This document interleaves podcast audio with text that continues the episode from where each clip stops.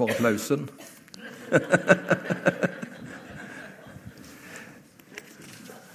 Men jeg tenkte faktisk på det når dere leda i lovsang, at eh, det er ikke mange menigheter i hele landet som har noe bedre enn dette. Det kan jeg bare si. Og jeg kan si det fordi jeg har reist i så mange sammenhenger hvor de legger vekt på lovsang. Så eh, all ære. Og så er det fint å få oppleve det i sin egen menighet. Det er jo kjempeflott. Så Gud velsigne alle som tjener med lovsang. Vi har forskjellige team. Så de er så viktige, og de er vi veldig glade for. Vi har jo eh, en veldig sånn fin eh, tid i bilen hit. Eh, hva heter det når de har sånne møter? Date, heter det. Og vi har innført et nytt uttrykk. Det heter bildate. Med mann og kone. Og det er veldig bra, for uh, vi snakker veldig oppbyggelig og uh, har ulike tema. Og hun vet hva jeg skal snakke om i dag, og da sa hun Sten det er veldig viktig at du gjør det med et smil. sa hun. Uh, og det skal jeg prøve på. Så nå får dere se om jeg lykkes. Fordi det er litt alvorlig, det jeg skal si i dag. Og desto viktigere er det at man gjør det på en myk måte. Tenk å si alvorlige ting og attpåtil se ut som du er sinna. Jeg mener, da, da skalkes alle luker. Og det kan jeg godt forstå. Men eh, jeg skal prøve å være så mild jeg kan. Eh, og så taler jeg over en serie. Jeg har talt gjennom Galaterbrevet, og i dag er vi kommet til det siste kapittelet, i Galater, kapittel 6. Så eh, det er det som er føringen. Men det, de fire første kapitlene i Galaterbrevet er Da males så sterkt fargen som går på den utelukkende og helt avgjørende nåden. Og, og, og Paulus var pedagog. vet du, Han, han, han tenkte jeg må iallfall bruke så mye på det. For så har han noen formaninger i de to siste kapitlene. Det er farlig når vi starter med formaning og blir i formaningen. Det er så viktig at vi skjønner at vi er frie. Kristus har kjøpt oss fri. Og det livet vi har, det er et fantastisk liv. Hvor nåden er vår ressurs og vårt kompass.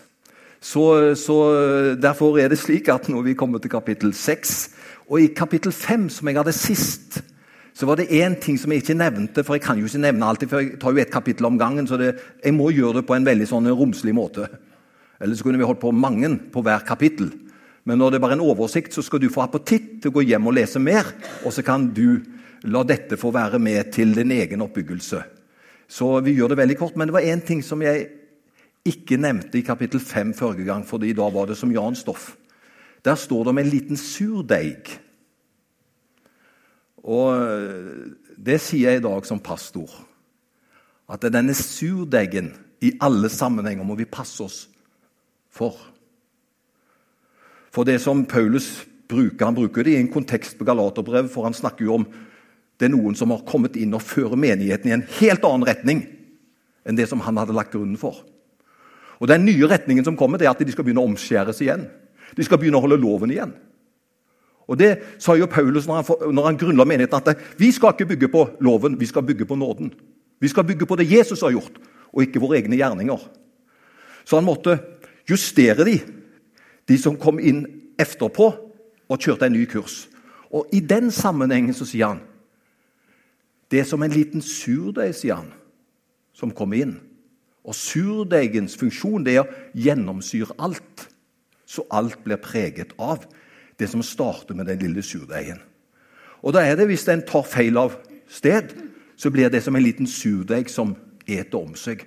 Og så blir det flere og flere som blir preget av det. Og vet du hva som kan være en surdeig i en menighet? Det er sånne små, bitte små partier. Hvor man liksom tenker på sitt og er opptatt av sitt. Og så jobber man for sitt, og så jobber man for det. Og så kan det bli som en liten surdeig som virker, og som ødelegger Eller som skaper mistrivsel i det store fellesskap. Og Derfor skal vi være på vakt for det. For det er en som har glede av surdeigtanken det er han som er der nede. ikke sant? Men han som har glede av å samle oss, og at vi løfter i fellesskap og heier på samme målet, det, det er himmelens Gud.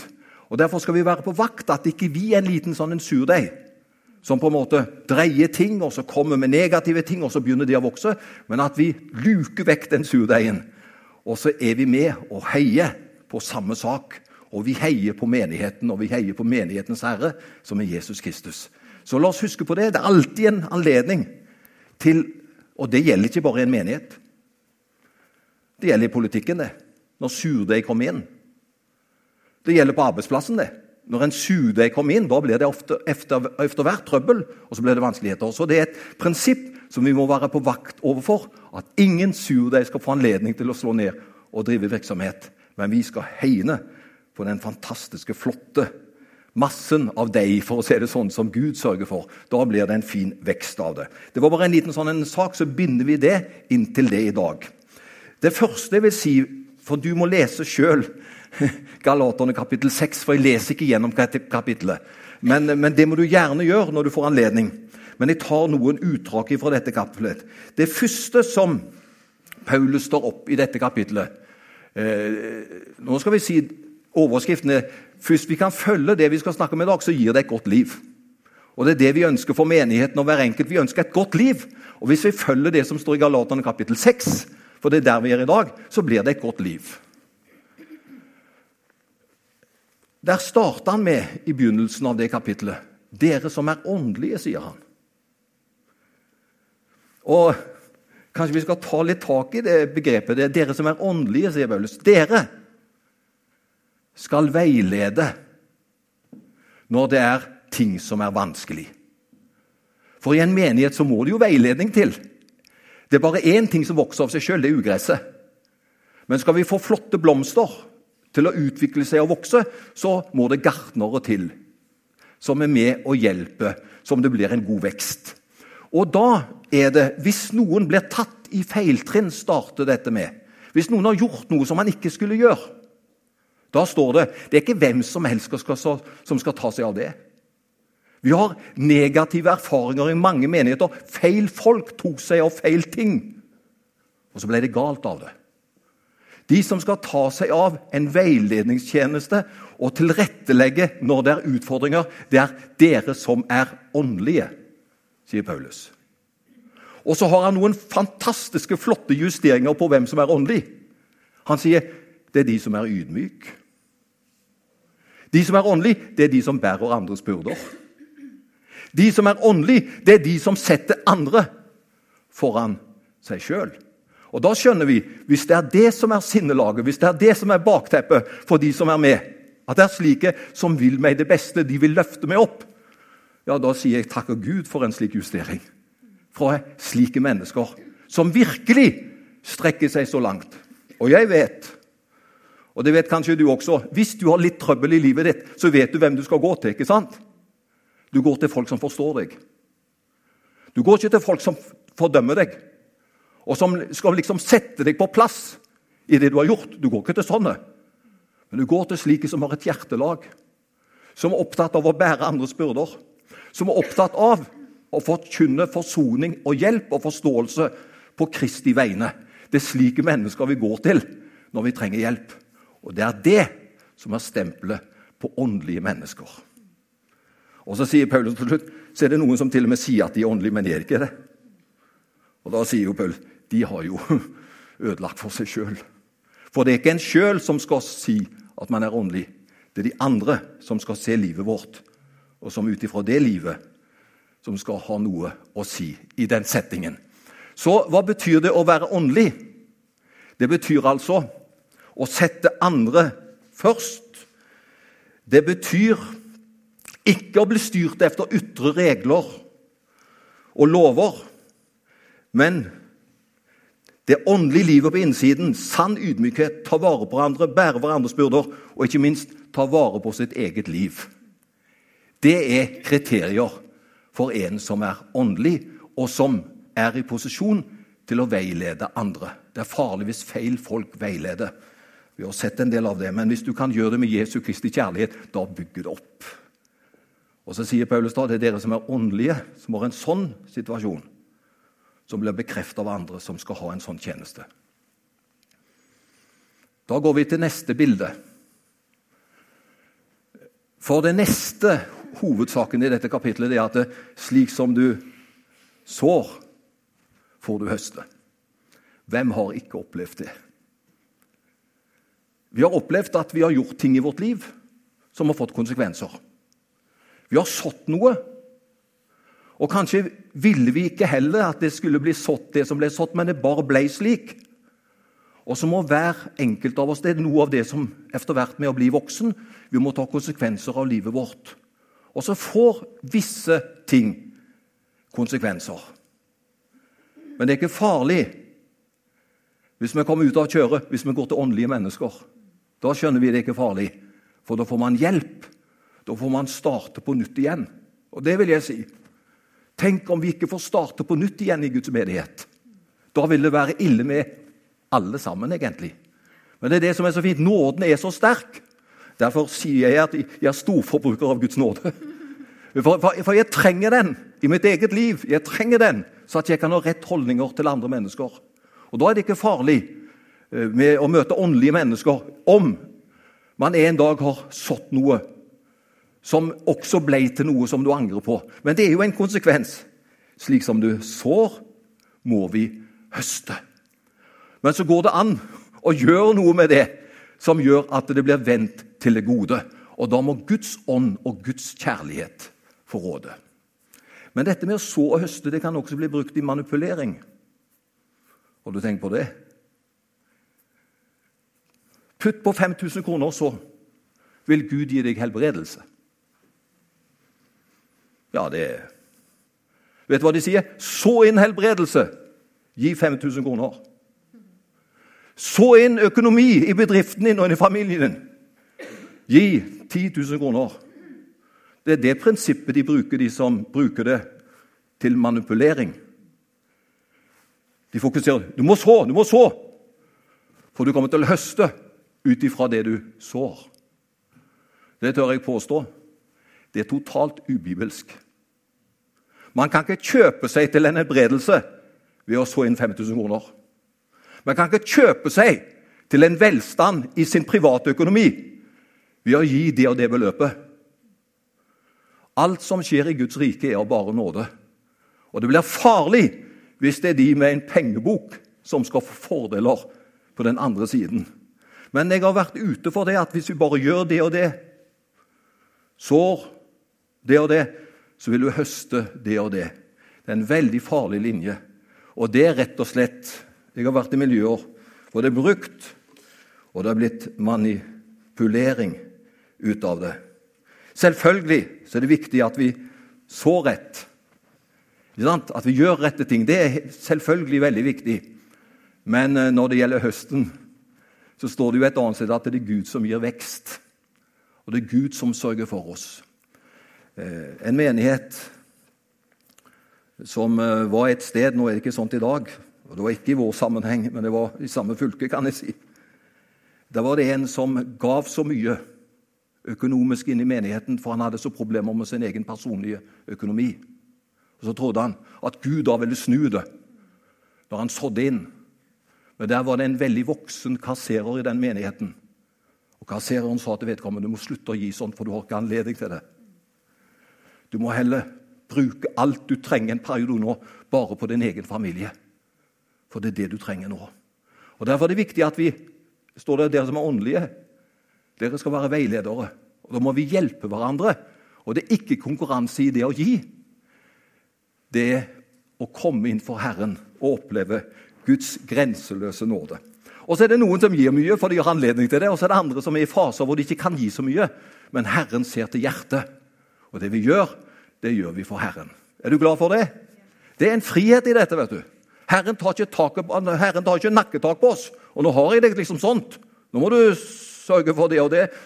Her er det nåden som gjelder. Her er det Guds barmhjertighet, her er det Guds godhet, og han løfter oss alle. Det var det andre punktet i dette kapittelet, og da kommer vi snart til tredje punktet. Og Vi får et bilde av det nå. Det står faktisk talt om eh, om korset der. Vi er døde for verden, og verden er død for oss. Det står om korset i jeg tror det er vers 14 i det kapitlet. Men eh, korsfestelsen, det at Jesus døde på et kors, det får faktisk talt grensesprengende perspektiver. Det største som har skjedd Hør, mine venner. Det største som har skjedd for oss, det var at Jesus døde på, vårt, på sitt kors. For all verdens synd. Det finnes ikke noe som er større enn da Jesus døde for all verdens synd på Golgata kors. Det er grensesprengende, og det er ingenting som kan sammenlignes med Jesu død på korset. Og Derfor er jeg så glad for Jeg står for korset og korsets teologi. Det var jo en periode hvor UD sa at eh, hvis vi skulle drive eh, eh, mottak for asyler, så måtte vi ta vekk korset. For det kunne være anstøtelig. Da er jeg veldig glad for at sammen med ledelsen, for vi fikk spørsmål om det i Sarensdal. For det, Vi kunne komme 2000 der i en krisesituasjon som vi kunne ha et par uker. Men da er vi enige om at hvis betingelsen er å ta ned korset, da sier vi nei takk. For folk er kommet til Norge, som er bygget på de kristne verdier. Og Hvis ikke vi skal få lov til å løfte opp det, som er vårt varemerke, som er vårt seiersmerke, da kan vi bare pakke i sammen. Og Heldigvis så snudde UD på den saken, for de skjønte at de, de hadde ikke, de ikke tolka terrenget godt nok. Og så sa de at det få opp korset. Det var til og med noen som var så raskt nede. For de var redd for pengene sine, så de fikk ned korset. De fikk det opp igjen. Jeg vil elske det eldgamle kors. Jeg har så tro på det eneste som kan forandre oss. Det er konsekvenser av Jesu død på korset. Det var der han betalte din og min pris. Og gjennom det så er det full frifinnelse og full forløsning. Men jeg vil snakke litt om de tre kors. Det første korset det står for, det er Jesu død. Og det er det som jeg har sagt nå, det er vår tros fundament at Jesus døde. Så Derfor er korset så viktig for oss. Jesu død er grunnlaget for vår tro. Det er altså På grunn av at Jesus døde, så sitter vi her i dag. Vi er frelst. Det er det ene siden ved korset. Det andre, som er enorm konsekvens av Jesu Kristi kors, det er punkt nummer to. Gjennom Jesu død så ble verden korsfestet med Han. Altså Resultatet er at da Jesus døde på korset, så døde hele verden med han. Hva betyr det? Det betyr at alle kan bli frelst. Det er ingen som trenger å dø i sine synder. Det er ingen som trenger å tenke at 'jeg har gjort for mye galt'. Konsekvenser av Jesu kors er at alle er blitt tilgitt. Alle er blitt frelst på grunn av Jesu Kristi kors. Vi må bare ta imot det og si ja til det. Ingenting kan vi endre på det. Det er korsets realitet og omfang. Hele verden ble frelst. Og Det er jo et fantastisk utgangspunkt vi har. Vi kan forkynne evangeliet til en hel verden som er frelst. Hvis de bare vil se det og ta imot det. Det betyr ikke at hele verden er frelst. Men fra Guds side så har han frelst oss alle, hvis vi bare sier ja og tar imot det. Det trenger ikke et nytt kors. Korset gjelder til Jesus kommer igjen. Kan jeg få et forsiktig ammen på det? Amen. Skal være forsiktig, for vi er, vi er her, vet du. Og så har vi det tredje konsekvensen av korset. Korsfestelsen av Det går inn til oss. Av selve. Det er veldig bra vet du, når vi får se hva Jesus Kristus har gjort. Da slår det inn i vårt liv. Det gjør noe med vår stolthet. Det gjør noe med oss å ta oss til rette. Og jeg må bare si det at det korset setter meg på plass. Hvis jeg vil prøve å være stor eller prøve å være egoistisk, eller et eller annet, så setter korset meg på plass. Hør her, Sten. Er det du eller jeg som har gjort det? Er det du eller jeg som skal tjene her? Og så, opplever, så må jeg bare ta inn med en gang og si Unnskyld. Korset blått. Korset blått. Være skal min ære. Så korsfestelsen er også den tredje siden, er at eh, den slår inn i vårt selvliv. Som gjør at eh, vi opplever det at det blir veldig naturlig å vandre ydmyk med vår Gud. Og ingen bør ha veldig store tanker om seg sjøl, men tenke sindig og tenke åndelig. Det var altså bilde fire. Så har jeg et bilde til, og så har jeg et bilde til igjen der. Får neste bilde. Kristi kors. Gjennom det, og dette er fantastiske konsekvenser Det er nesten som jeg må holde meg nede her, for jeg har lyst til å hoppe. For dette, dette er fantastisk. Kristi kors vi regnet som døde. Én for loven. Du skjønner? Det er derfor du skjønner. Du må, du må for all del ikke være lovisk. Og holde på loven og det. Du er død for loven i Kristus Jesus. Så det, det, det, konsekvensen av Kristi kors er at jeg er død for loven. For du skjønner, Hvis du skal leve for loven og være en del av loven, da blir du en taper så lenge du lever her på jorda. For du vil alltid komme til kort i forhold til loven. Den vil alltid ta oss. og Har du syndet mot ett bud, så har du syndet mot alle. Så loven er en forferdelig herre å tjene. Men gjennom Kristi kors så kan jeg regne meg som død for loven. Døden har ikke makt i meg. Og det står 'Jeg døde med Kristus'. Jeg, jeg gjorde mer eller døde med Kristus. Jeg ble til og med begravet med Kristus. Skjønner du? For at jeg skal leve, leve det oppstandelseslivet slik som Kristus sto opp fra det døde. Det står om i Romerne kapittel 6. Så død for loven. Og så gjennom Kristus så skal jeg også regne meg som død for verden. Og da er vi litt inne på den sangen som du nevnte, om 'Jeg er tøff nok'. Og Vi må bare være så ærlige og si at uh, ute i verden så vil vi gjerne både bli godt likt og være populært. Det er klart Vi skal være godt likt på den måten at vi skal gjøre en jobb 100% Vi skal virkelig være gode uh, eksempler på vår arbeidsplass. Det er ikke det jeg mener. Men den som vil leve efter Jesu Kristi kors, du kan være helt sikker på, den vil få trøbbel i verden. For korset setter folket på valg. Så jeg vil si at Løfter du opp korset med den ene hånda, så kan du ikke regne med applaus med den andre hånda. For korset det skjærer igjennom. Det stiller folk på valg. Korset er liv eller død. Så Derfor, gjennom korset, så er jeg også regna som død for verden. Hva betyr det? Verden skal egentlig ikke ha makt over meg. Verden skal ikke styre meg, verden skal ikke kontrollere meg. For jeg er død for verden, men levende for Gud. Men jeg er død for verden. Og Det siste er det siste punktet på korset også. Jeg er død også for selve. Vet du hvorfor vi har så veldig mye trøbbel omkring? For vi lever i beste velgående i vårt kjød. Det er kjødet som lager trøbbel. vet du. Det er ikke ånden. Det er kjødet som blir sinna. Det er kjødet som setter ting på spissen. Det er kjødet som er sort-hvitt. Åndens frukt er glede, fred, langmodighet, overbærende godhet. Det er åndens frukt. Og det andre er da det som holder til kjødet, ikke sant? det som holder til selve. Men gjennom korset, halleluja, så jeg også død for mitt selv. Slit ikke lenger med ditt selvliv, for det vil bare plage deg hvis du er på den frekvensen. Akte deg og se deg som da Kristus døde, så døde du for loven, for verden og for selve. Og Da går jeg ned for landing. Finner en landingsstripe her, så skal jeg gå ned for landing her. Galaterbrevet det starter så mektig med nåden. Tror du ikke det slutter med nåden nå? Selvfølgelig gjør det det. Og det må jeg lese Galaterne, som begynner med nåde, som er så opptatt av nåden. Og ut ifra den så har den også justert oss litt i de to siste kapitlene. Og Da er det det siste verset i Galaterne kapittel 6. Det lyder slik. Siste vers i kapittel 6. Søsken, for det er det vi blir regna som. Må Herren Jesu Kristi nåde være med deres ånd. For det er jo ikke kjødet vi snakker om, vi snakker om ånden. Søsken, må vår Herre Jesu Kristi nåde være med deres ånd.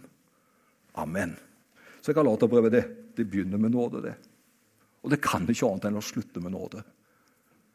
Og så håper jeg at vi alle sammen er storforbrukere av Guds nåde. Og at Gud vil gi oss nåde til hjelp i rette tid. Og så er det utfordrende å være menneske. Selvfølgelig er det det. Det er derfor vi trenger nåden. Og det er derfor vi er formidlere av den, så vi kan hjelpe hverandre når vi også skal veilede hverandre. Må Herren hjelpe oss. for navnet sitt skyld. Skal vi be sammen? Takk, Herre, for ditt ord. Og nå vil vi takke deg for det brevet, det lille brevet vi har gått gjennom. Herre, takk at det er en god justering i livet vårt. Hvis vi kan leve efter de prinsippene som står i Galaterbrevet. Og takk at du hjelper oss, Herre. At vi kan leve som dine ambassadører i hverdagen der du har satt oss. Takk for ditt nærvær. Takk for menigheten. Takk for alle de som var her i dag. Takk at vi kan få gå ut efter gudstjenesten og tjene deg med glede, fordi du er god. Amen.